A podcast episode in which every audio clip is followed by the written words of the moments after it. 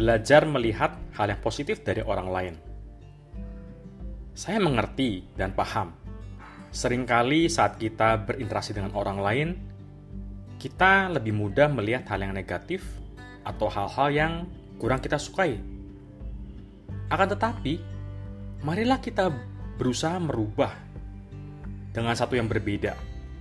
Saat kita berinteraksi dengan orang lain, konsentrasikan diri kita untuk melihat, mengamati apa saja atribut-atribut positif yang mereka miliki.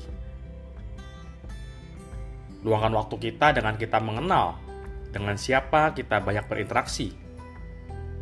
Pelajarilah mengenai harapan, impian, bahkan aspirasi mereka. Saya percaya itulah yang akhirnya akan memotivasi mereka. Bukankah menyenangkan saat kita berinteraksi dengan orang lain, kita selalu berbicara dengan hal yang positif.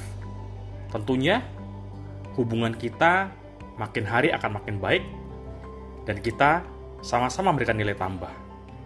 Energi kita akan selalu dicas. Apakah Anda mau? Tentunya ini adalah pilihan yang dapat Anda lakukan. Demikian dari saya, Adan Luis. Sukses untuk Anda. God bless you.